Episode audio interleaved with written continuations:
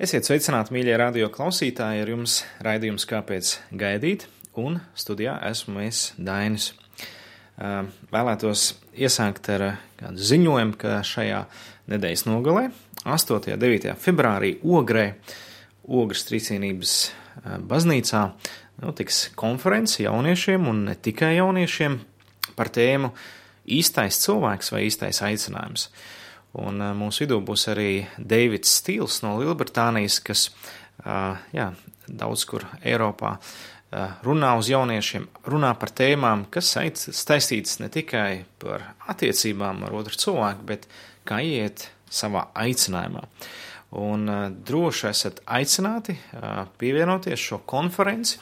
Vairāk informācija ir īsta mīlestība gaida.lv mājaslapā, Konference ir par ziedojumiem, bet, ja vēlaties palikt pa nakti, tad, tad ir aicinājums jā, noteikti pieregistrēties un arī ēšana atsevišķi maksātu trīs ēdienreizes plus kafijas paudzes 6 eiro. Un, un, ja gadījumā jūs esat pār pa 30, varbūt pār pa 40, bet um, arī vēlties saprast, uh, par savu aicinājumu, kā tikt pāri grūtībām, kā tikt galā ar dažādu veidu atkarībām, piemēram, ēšanas atkarībām vai pornogrāfijas atkarību, tad arī esat aicināti pievienoties, jo būs atsevišķi arī mazās grupiņas tiem, kas ir vecāki pa 30 un 40 arī gadi. Taču šodien vēlētos runāt, turpināt runāt par tēmu, kas saistīta ar septīto bausli – proti, tev nebūs laulība pārkāpta. Pirms kādiem raidījumiem es runāju par to, ka tas šis balsts tiek pārkāpts, kad, no, ka ir intīmas attiecības ārpus laulībām. Un minēja bibliskus pamatojums šim bauslim. Savukārt šodien es vēlētos runāt otrs aspekts šim bauslim. Tev nebūs laulība pārkāpt tādā nozīmē, kad cilvēks ir uh, laulības derībā ar kādu cilvēku, un te notiek šī intimitāte vai nu domās vai praksē ar kādu, kas nav viņa laulātais partners, jeb restīvi tiek pārkāpta laulības derība.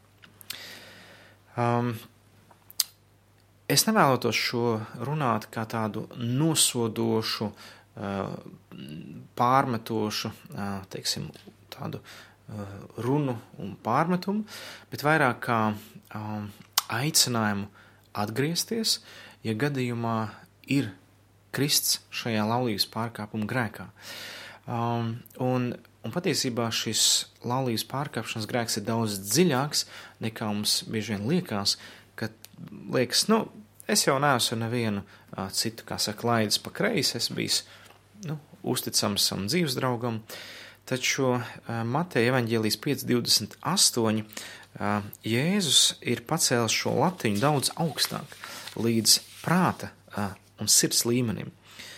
Viņš, viņš saka, jūs esat dzirdējuši, ka ir sacīts, tev nebūs laulība pārkāpt, bet es jums saku, ik viens, kas uzskata sievu to iekārodams, tas ar viņu laulību jau ir pārkāpis savā sirdī.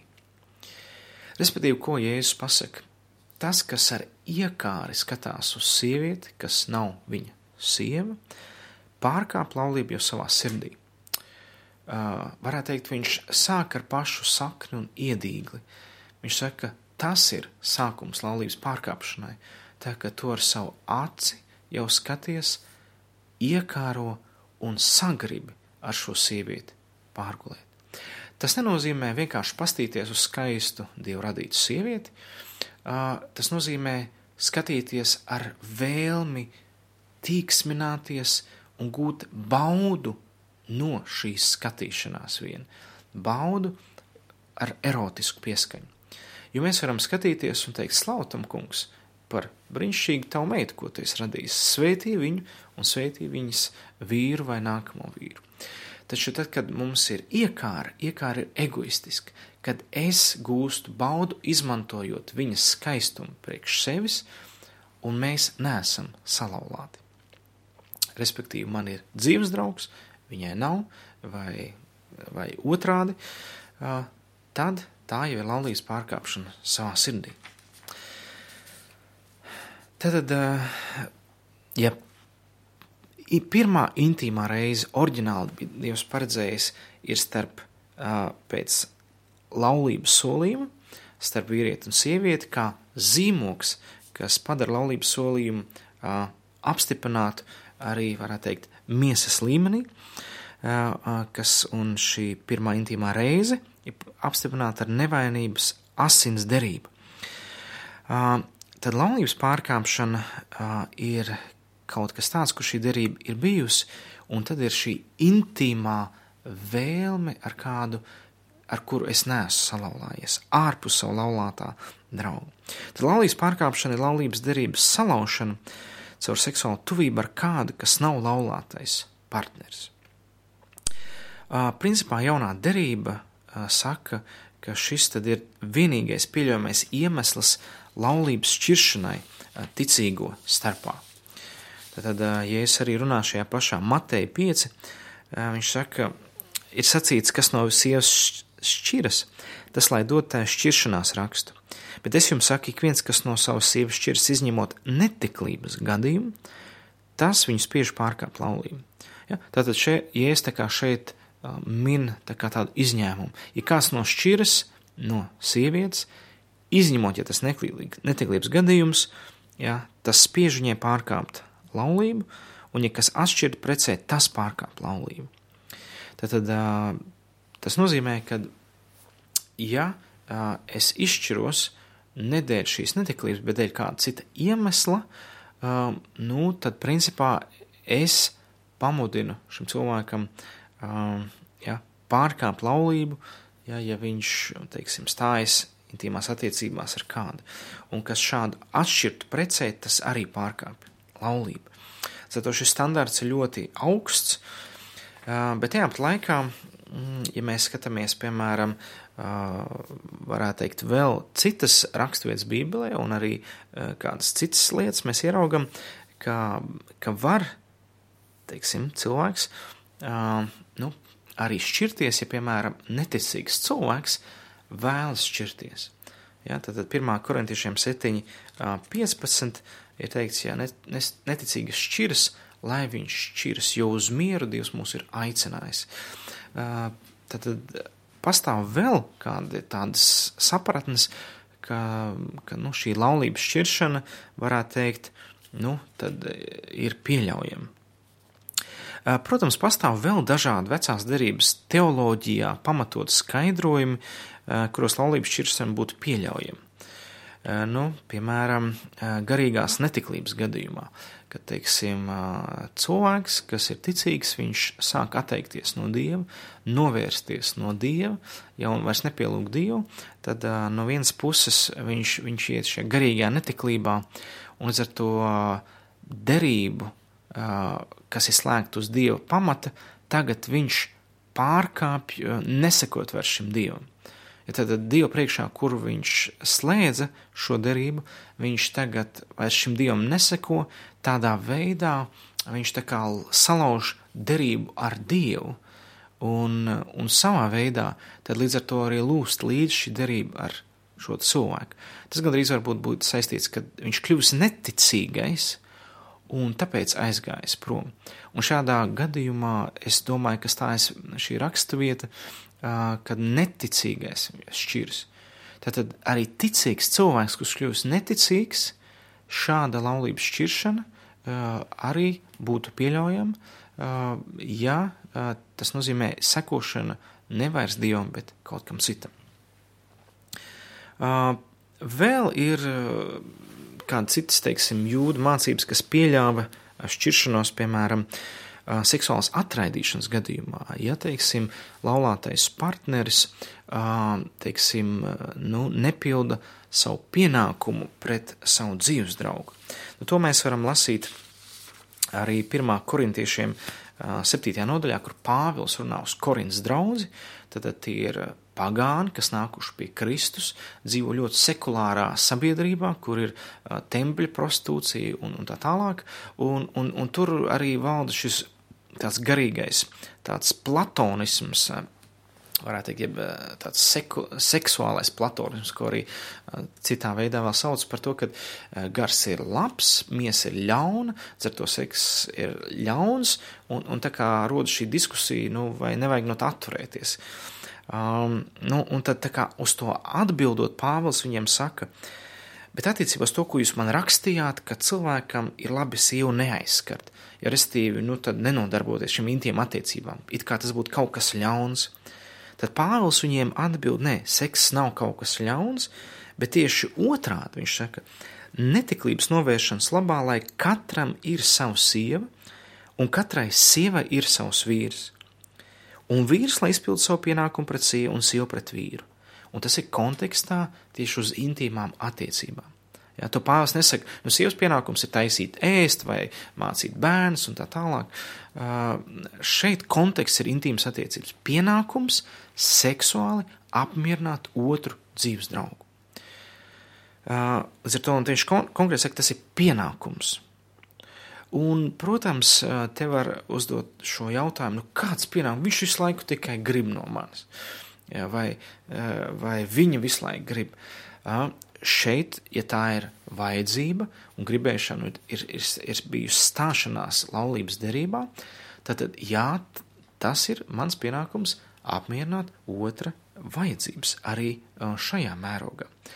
Protams, jautājums, kāpēc tik ļoti ir šīs vajadzības? Ja tur apakšā ir pornogrāfija, seksuāla atkarība un seksa kļūst par elku, ir jākonfrontē šis cilvēks un, un jāicina atgriezties no tā, lai, teiksim, teiksim, netiktu dots netiklības grēkam un netiklības garam iet laulāto starpā. Līdz ar to, ja tiek skatīta laulāto starpā pornogrāfija, tā ir laulības pārkāpšana. Abi iekāro svešus ķermeņus un tad mēģina atrast tuvību. Svētais gars nebūs šāda intīma attiecību vidū.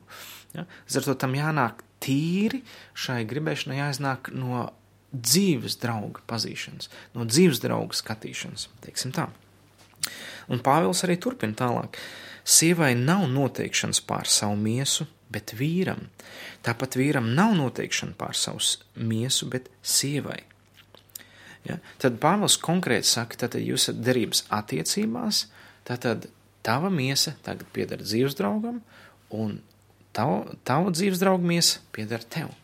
Līdz ar to derība ir šī nodošanās mīlēt, kalpot otram, nodoties otra labā. Tā jau ir šī derības nozīme. Ar to arvien vairāk strādājot ar pāriem, ļoti, ļoti sievietes pārprot šo. Viņas saka, nu, mans vīrs laikam grib, nu, kas tas ir? Nu, paiet kādu dienu, un atkal viņš grib, un atkal grib. Un sāk pārmest uh, vīram. Uh, un savukārt vīrieša identitāte un viņa um, seksualitāte ir diezgan cieši saistīta. Um, respektīvi, teiksim, vīrietis var justies atraidīts, ja, viņ, ja viņa sieva viņu atraida seksuāli.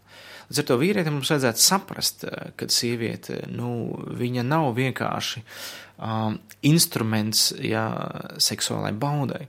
Uh, viņa ir personība, ar ko kopā var baudīt. Līdz ar to tur, kur ienāk šis egoisms, man vienkārši vajag un sāk pieprasīšana, tā ir pasaulīga domāšanas veids, ja tas ir ņemts no pasaules. Uh, Līdz ar to tur jābūt šai sadarbībai un sapratnē. Tātad vīrietim šī lieta ir fizioloģiski teiksim, tā, daudz vairāk vai, vajadzība. Jā, ir, ir, ir daži pēti, kad, kad šīs ja, ķer, vīriešu ķermenis stājoties laulībā jau ir pieredzes pie šīs tuvības, tad nu, paiet trīs, četras dienas, kad prasās šī dabiskā, varētu teikt, uh, ulšana izlāde, un, un kur tad viņam iet? Nu, varētu teikt, viņš, viņam gribās ēst, kur tad viņam iet, kas tad viņu pabaros? Un ar to Pāvils tieši šī iemesla dēļ saka, ja, uh, ej pie savas sievas. Salmans arī saka, uh, dzeriet katrs pats no savas akas, jeb apma, apmieriniet savu izsalkumu, tādā poetiskā valodā, principā, uh, pie savas sievas, pie savas derība atņem, paņemtās sievas, jeb apņemtās sievas. Un, lai tuvotos sievietei, ir jāpazīst sievieti. Sieviete nav kā vīrietis, kas vienkārši gatava un, un, un grib šo tuvību. Uh, varētu teikt, kā viens mācītājs teica, ka sieviete ir kā, kā viole. Mm, jāmāk uz viņas spēlēt. Līdz ar to viola ir sarežģīts instruments. Tur ir jāzina, cik stipri ar to lociņu uzspiest uz stīgām, kā stīgas turēt, lai neskan šķīvi. Varētu teikt, ir, ir kā augstā dziesma saka, kā pareizi rāpties tajā palmā. Ja, kā Salmans mācītājs runā, ir, ir jāzina, kā tuvoties, un sieviete ir jāiepazīst. Jāiepazīst pirmkārt viņas sirds, otrkārt viņas vēlmes, un treškārt arī viņas ķermenis. Un līdz ar to te ir sadarbība, un ar to lau, laulāto starpā ir, ja šī noteikšana pār savu miestu, tas nozīmē, ļauj man iepazīt tavu ķermeni, ļauj man saprast, kas tev patīk, kas nē. Tīri vienkārši tādā praktiskā veidā. A kā var iepazīt sievietes ķermeni, ja viņi neredz, ja viss ir tikai tumsā? Līdz ar to sievas pienākums ir rādīt un demonstrēt vīram savu ķermeni, nevienam citam. Līdz ar to sievietes baznīcā ģērbamies apģērbti, nevienam neredzot jūsu formas, bet mājās, lūdzu, tur jūs esat supermodeli, tur jūs esat karaliene, tur jums pat ir pienākums to darīt. Kāpēc? Tāpēc, ka vīrieša seksualitāte ir savienota ar viņa acīm, un kur tad viņš ies, kur tad viņš baudīs to? Savās paša mājās, savā paša, uh, kā saka, nu, uh, varētu teikt, sievas tūmā. Tas, tā tas ir paredzēts. Un Pāvils arī skaidri saka, neatraujieties viens otram, kā vien uz kādu laiku pēc pašu vienošanās, lai atrastu laiku dievu lūgšanai, un tad turieties atkal kopā, lai sātans jūs nekārdinātu jūsu nesavaldības dēļ. Bet to es saku piekāpdamies un nepavēlēdams. Respektīvi, Pāvils nedaudz pārmet, nu jūs esat tik nesavildīgi, nu jums visu laiku šīs kārības jums ir. Nu tad labi, tad, tad turieties kopā, lai jums ir šīs intīmas attiecības maksimāli bieži, izņemot, jūs esat vienojušies lūgt, krievalodā minēts vēl arī gavēt, ja, lai meklētu Dievu. Bet pārējā laikā, lai jums ir šī intīmā dzīve, lai tā tiek uzturēta. Kāpēc? Lai sātans jūs nekārdinātu jūs nesavaldības dēļ. Tad, tad varētu teikt, uzdot jautājumu sievām tādu: Ko tu vēlies, lai, kas lai kārdina tavu vīru? Tu vai sātans? Kam tu ļausi iekārdināt savu vīru? Vai nu tu viņu iekārdināsi, vai ja nē, tad sātans viņu kārdinās. Un arī otrādi, arī, arī vīram, jā, kur tad sieva var meklēt to mierinājumu, kur viņa var meklēt to piepildījumu. Kas tad ir tas viņas stiprais vīrietis? Tas esi tu, ja tu esi dzīves draugs. Tu esi paredzēts priekš viņas, lai vēlams atkal nekārnātu viņu. Um, līdz ar to šeit laulības pārkāpšanā var pamudināt krist cilvēks, kas savam dzīves draugam atsaka intīmo tuvību. Un varētu teikt, ka tas ir pat sava veida grēks uh, un nepareizība. Protams, mēs uzdodam jautājumu, nu kā tad ir tajā laikā, kad sieviete ir stāvoklī, vai kad sieviete ir, nu, teiksim, tās mēneša laiks, kad nevar uh, būt tuvībā, uh, tad mēs varētu teikt, jā, tur ir arī vajadzīga komunikācija, tur ir vajadzīga izrunāšanās, tur ir vajadzīga savaldība, varētu teikt, varbūt savu veidu gavēnis vīram, bet kā pārsaka, bet nesavaldības dēļ tomēr, lai vīram ir, ir, ir noteikšana. Nevar būt intīmam uh, tuvībai, bet, nu, varētu teikt, citādākam veidam, kā, uh, teiksim, vīram paņemt projām to kārdinājumu, ja, ja piepildīt viņa, viņa vajadzības, teiksim tā. Līdz ar to laulības pārkāpšana uh, sākās uh, tur, kur trūkst tuvība starp vīru un sievu. Tad, ja nav iegūts šis apmierinājums mājās, tad, tad, tad kaut kur tiek meklēts kaut kas pārāk ārpusē. Un tas nevienmēr ir sa saistīts ar seksuālu tuvību. Nereti tas ļoti saistīts tieši ar garīgo tuvību, ar mūsu tuvību attiecībām ar Dievu. Jo Dievvvārds skaidrs saka, ja mēs staigājam garā, tad mēs miesas kārības savaldīsim. Līdz ar to nevar teikt tādu attaisnojumu, redz, sieva man ne, ne, neļauj viņai tuvoties, nu tad es pakreis. Nē, tas nav attaisnojums. Pat ja arī sieva, nu, ir kāda viņa ir, man nav ne mazākā attaisnojuma, lai es laistu pa kreisi. Tieši otrādi, tas man mudina jautāt, kāpēc tad man sieva saka nē, ko es daru varbūt nepareizi. Kas ir tas, ar kas manā komunikācijā vai manā izturēšanās pret viņu nocietina tā. Varbūt es viņai daudz ko solījis un esmu pildījis. Varbūt es vienkārši neesmu maigs cilvēks. Varbūt man ir milzīga eh, pagātnes vēsture, kur es, nu, varbūt viņai es darīju pāri, ka man jālūdz piedošana. Līdz ar to eh, mēs nevaram attaisnot, ka otrs nedara, tad tāpēc es tagad iešu un grēkošu. Katrs grēks, ko mēs darām, ir pirmkārt grēks pret Dievu. Un to mums ir ļoti svarīgi saprast. To mums skaidri parāda Jāzepa piemērs. Uh, 1. mūzika 39, 5, 12. Ja mēs iespējams zinām šo stāstu par Jāzepu, ka viņam tika uzticēts būt eģiptieša namā par pārvaldnieku, un, un 1. mūzika 39, 6 teica, ka viņš bija skaists augum, augumā un glīts izskatā. Un pēc visiem šiem notikumiem gadījās, ka tātad Jāzepa kunga sieva meta savus acis uz Jāzepu un sacīja guli pie manis. Ja tad šis milzīgais kārdinājums. Bet viņš to noraidīja un sacīja savu kungu sievai, redzi, mans kungs nerūpējas ne par ko, kas te namā un viss, kas tam pieder, viņš devis manās rokās. Tad visu atdeva Jāzepam. Viņš pats šī namā nav lielāks par mani, un viņš man neko nav šī namā aizliedz kā vien tevi, tāpēc, ka tu esi viņa sieva. Un tad viņš saka šo frāzi: Kā lai es darītu tik lielu ļaunumu un grēkotu pret Dievu? Un notika, ka viņa dienā tā runāja uz Jāzepu, tad, tad kā, dien dienā, ja, katru dienu mēģināja iekārnāt šo jauno vīrieti, ja, bet viņš to neklausīja un negāja gulēt pie viņas.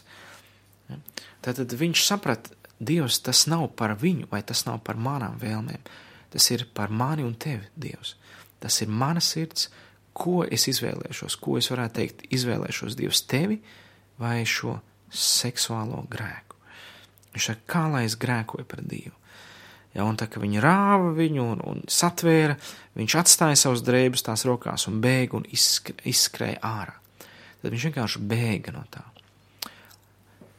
Es domāju, tas ir labs piemērs, ko mēs varam darīt ar šo seksuālo kārnājumu. Bēgt.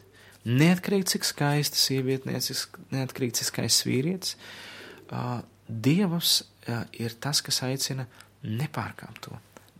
Tad tu grēkos pret mani, un mans gars būs apbēdināts. Mana svētībai tiks aiztaisītas durvis, un nesvētībai atvērts durvis. Līdz ar to laulības pārkāpšana pirmkārt ir laulības pārkāpšana pret Dievu. Līdz ar to cilvēks, kurš nav precējies, bet viņš zina, ka ir cilvēks, kurš ir precējies, un viņš sāk savā veidā flirtēt, viņš arī, varētu teikt, var būt vainīgs, ja līdzvainīgs laulības pārkāpšanā. Restīvi ir jauna meitene, kas nav precējusies, bet, bet viņai vēl vēlme uh, izskatīties, nu, teiksim tā, ar erotisku pieskaņu. Viņa, teiksim, iet uz pasākumiem, kur ir precēti vīrieši, varētu teikt, viņa kārdina viņus pārkāpt laulību ar sevi domu līmenī. Līdz ar to šajā gadījumā ir aicinājums, es aicinu jaunas meitenes, jūsu atbildība ir savu ķermeni nedemonstrēt nevienam citam, kā tikai savam vīram. Un, ja jūs neesat precējusies, jūsu atbildība nedemonstrēt. Eh, kāpēc jūs varat pagrūst kādu vīrieti uz laulības pārkāpšanu savā sirdī. Un arī Pēters aicina, lai eh, sieviete nav izkrāsota, eh, teiksim tā, ja līdz šī uzsvars uz ārešķību, bet uz šo iekšējo cilvēku, kas Dievam ir dārgs. Tas nenozīmē, ka nav lietot kosmētika vai, vai greznlietas, bet tas nedrīkst būt primārais. Bet par augumu Pēters to neraksta. Kāpēc? Tāpēc, ka tajā kultūrā nemaz nebija tāds apģērbs. Tajā kultūrā bija nu, diezgan sievietes vairāk apģērbs nekā mūsdienās. Respektīvi, uh, jebkas, kur saistīts ir ar ķermeņa augšējo daļu vai zem jostas vietas, tam jābūt ir noklētam, noslēptam, lai nepagrūst kādu uz grēku. Līdz ar to arī meitene var būt līdzvainīga laulības pārkāpšanā, varētu teikt, pats sev neapzinoties. Un tāpēc uh, es šādām meitenēm iesaku um, uh, izdarīt tādus uh, divi testi. Viens tests ir pajautāt savam brālim vai tēvam, ja labas attiecības, vai kādam labam draugam, vīrietim, vai manā izskatā nav kaut kas uh, uz intimitāti, jeb erotika izraisošs. Un, ja viņš ir atklāts, viņš skaidri pateiks, mm, nu, šis nu, liek uz tevi skatīties. Un tad domāt, meklēt, skatīties, ja jūsu mērķis pirmkārt ir dievbijība. Ja jūsu mērķis nav dievbijība, Nu, protams, jums tas liekas varbūt kā smaga nasta, bet, ja jūs gribat izpatikt Dievam, jums jāizpatīk arī šajā, vai es neesmu par piedauzību kādam savam brālim vai arī māsai. Um, tātad šī laulības pārkāpšana um, var mūsdienās būt domu līmenī, viņa var būt fiziskā līmenī. Um, un saskaņā ar, ar rakstiem uh, uh, Kristus ir vīra galva, bet vīrs ir sievas galva. Un ar to, lai laulība būtu svētīta, lai nebūtu šī la tendence laulības pārkāpšana, dievam ir jābūt laulātu attiecību centrā. Um, ko tas nozīmē? Tas nozīmē, ka pirmkārt vēlos izpatikt dievam. Uh, un, un kad mēs mēģinām dzīvot dzīvi, kas ir dievam patīkama. Respektīvi, ir, ir laulātais pāris, kas apprecējušies baznīcā, uh, kristījušies vai iesvētījušies, un tad viņi ieliek pa savus dzīves centru nevis dievu mērķi, bet nu, ko mēs varētu darīt? Nu, mēs varētu kopīgi uzsākt biznesu. Labi, bet vai tas ir dievprāts? Un mēs varētu dzīvot ārzemēs, vai mēs varētu darīt to un to, bet viņi iespējams noliek uh, savus laulāt, laulības centrā ne dievu un viņa mērķus, bet kaut kādu savu mērķi. Un kas ar laiku notiek? Uh, sāk, viņi sāk dzīties pēc šīs lietas, viņiem sāk, vai tas ir biznesa vai kāda lieta, sāk paņemt viņiem laiku viņu attiecībām, viņiem sāk pietrūkt laiks kopīgi iet uz draugu vai lūgšanām. Viņi iejūdzās tādā skrējienā, tāpēc, ka ja tas nav dievprāts, eh, vienmēr pasaule paņems savēju. Un ar to sāk ciest viņa attiecības. Tāpēc uh, laulātam cilvēkam ir svarīgi ne tikai būt kopā un apprecēties un sagaidīt līdz laulībām, bet arī palikt dieva gribā un tajā aicinājumā, uz ko Dievs aicina. Jā, Dievs var aicināt uz kopīgu biznesu, Dievs var aicināt arī doties uz ārzemēm, bet tam jābūt Dieva gribā un Dieva svētība. Un tāpēc vīram kopā ar sievi ir jālūdz un jāmeklē Dievs, uz kurien tu mūs ved. Kas ir tavs prāts priekš mums kā laulātā pāra? Kāds ir tavs prāts pie mums kā ģimenes? Kuri ir tava griba, kurā būs tava svētība? Līdz ar to misija nav izpildīta, kad mēs esam apprecējušies. Misija ir izpildīta, kad mēs pildām Dievu gribu kopā arī ar savu laulāto draugu. Un līdz ar to mēs varam savā ziņā garīgi, varētu teikt, pat pārkāpt laulību, ka mēs sākam savā ģimenē darīt lietas, kas nav pēc Dieva prāta. Un tad ienāk, varētu teikt, svešs pasaulīgs gars, kas lēnām iztumj ārā svētā gara vadību, Un līdz ar to gars tiek mazāk barots un tiek dot vairāk miesai vaļa, un miesa ir tā, kurā ir laulības pārkāpšanas dūms. Un ar to tur, kur miesa sāk valdīt, vieglāk ir piemest arī laulības pārkāpšanas dūmus. Un ar to vienalga darbā kāds brīnišķīgs cilvēks pēdiņās vai vēl kaut kur lēnām sāk ienākt un aizvest projām no šīs tuvības ar otru cilvēku. Um, un tāpēc ļoti svarīgi saprast, ka laulības pārkāpšana sākās manas um, attiecības ar Dievu salaušanā vai aizjūt prom no viņa. Um, mēs varam redzēt Dāvids ar Batsebu. Um, tas ir viens no piemēriem, kur mēs redzam, ka Dāvids iekāroja sievieti, kas nebija viņa sieva, kas bija sadarēta citam vīram. Un, un, un tur ir šis, šis piemērs, ka Dāvids, kamēr viss ķēniņi gāja karā, tā Dāvids bija uz jumta un ieraudzīja šo sievieti, un, un nosūtīja ļaudis un lika tiem apvaicāties, kā sieva viņa ir, Viņam tika pateikts, tā ir Batsepa, Elijam meita, Hetieša Ūriju sieva. Tad viņš zināja, tā ir cita sieva. Ja tā nebūtu neviena sieva, viņam būtu cerība. Bet tā bija kādam sieva, un viņš zināja, jums nebūs laulība pārkāpt. Bet viņš neskatīdamies uz to, ja sūtīja vēstnešus likt to atvest, nāca pie, tā nāca pie viņu, un viņš pie tās gulēja. Ja, un tālāk šī sieva kļuva grūta, Ja, un, un tālāk šo stāstu mēs varam lasīt 1. samuēlam 2, 11. 12. nodaļa, kā tas atrisinājās, kā tas bija par kaunu traipu šī dieva vīra dzīvē.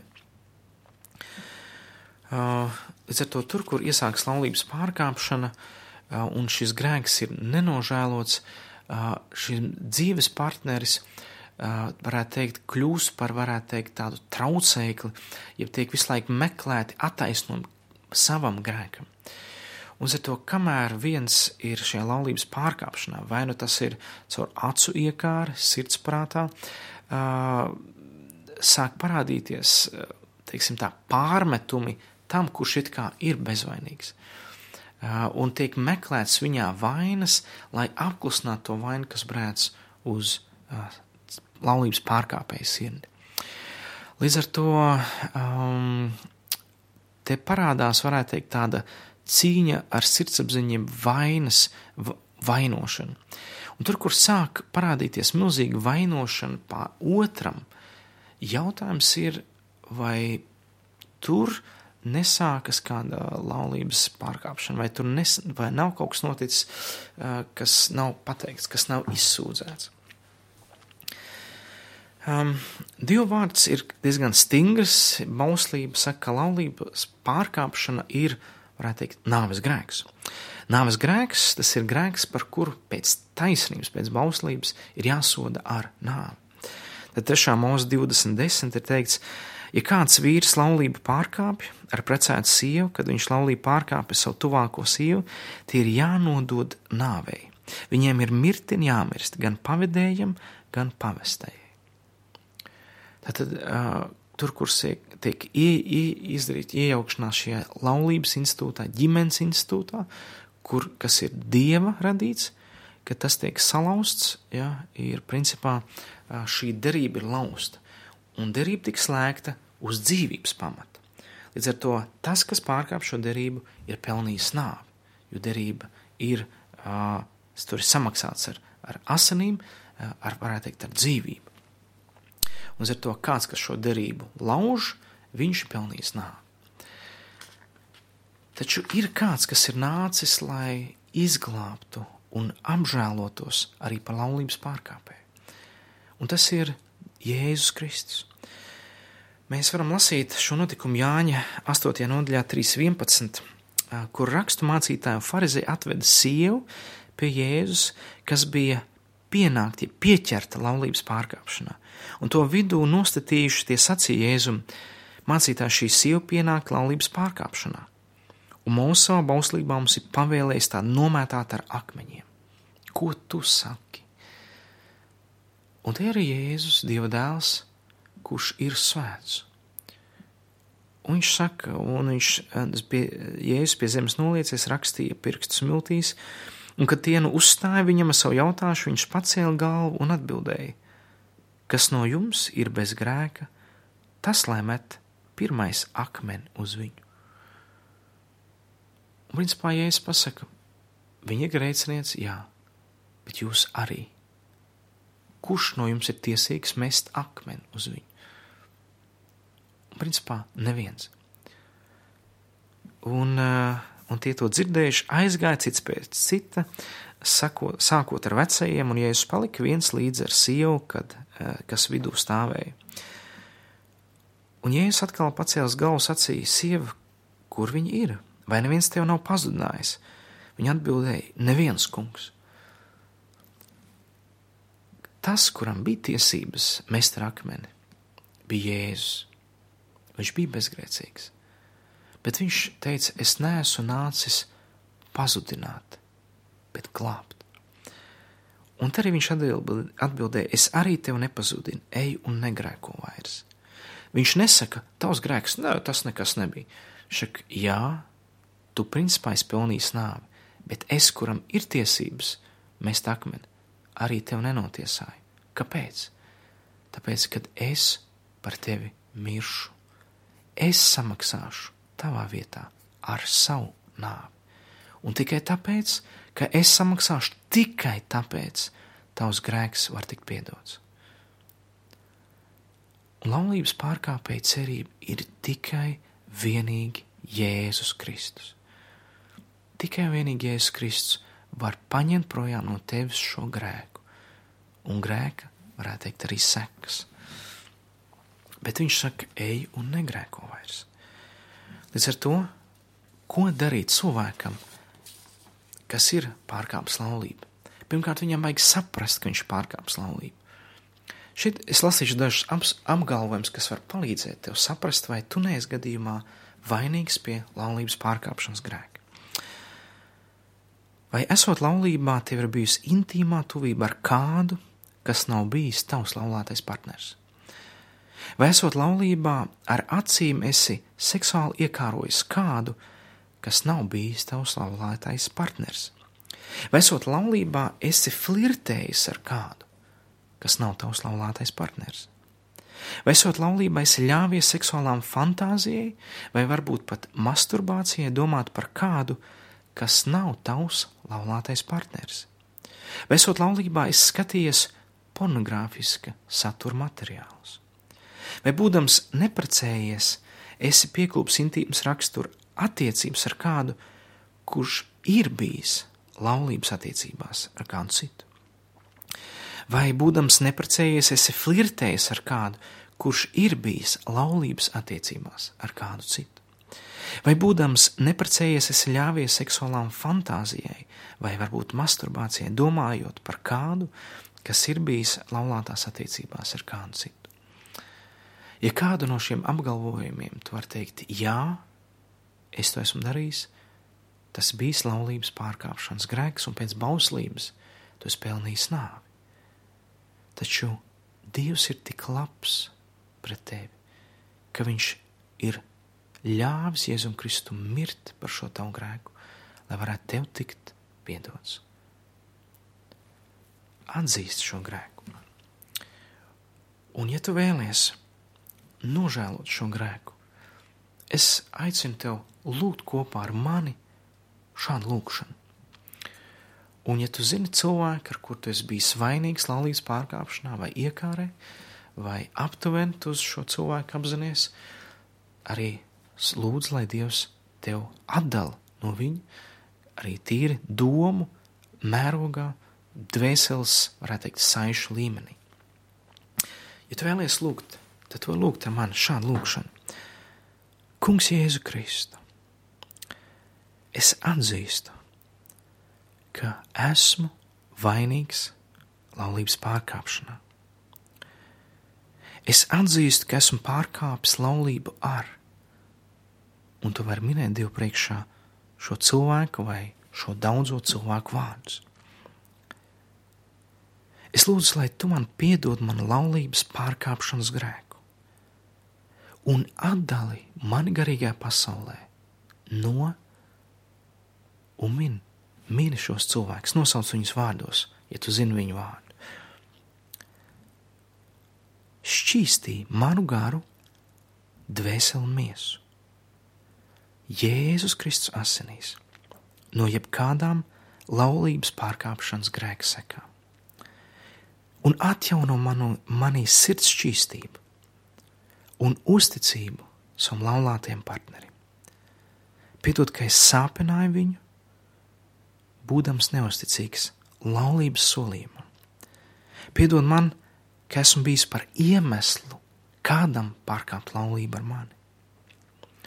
Piedod par manu izvēli šķirties vai vēlme šķirties no man laulātā partnera. Svētī mans attiecības ar tagadējo vai ar nākamo dzīves draugu un atjauno savstarpējo uzticību mīlestību. Jēzu Kristu, esi tu kungs pār manu laulību, manu intīvo tuvību un visām tām izpausmēm. Jēzus vārdā. Āmen. Un Dievs tev ir piedievis, ja tu no sirds to lūdz, bet Viņš aicina pieņemt lēmumus, kas ir saskaņā viņa gribu. Lai Dievs tev palīdz atgriezties un būt uzticamam, nevis neusticamam, un Dievs tev vadīs un rādīs nākamās lietas. Paldies, ka klausījāties. Šis bija raidījums, kāpēc gaidīt. Ja Dievs ļaus, tiksimies atkal pēc nedēļas. Visu labu!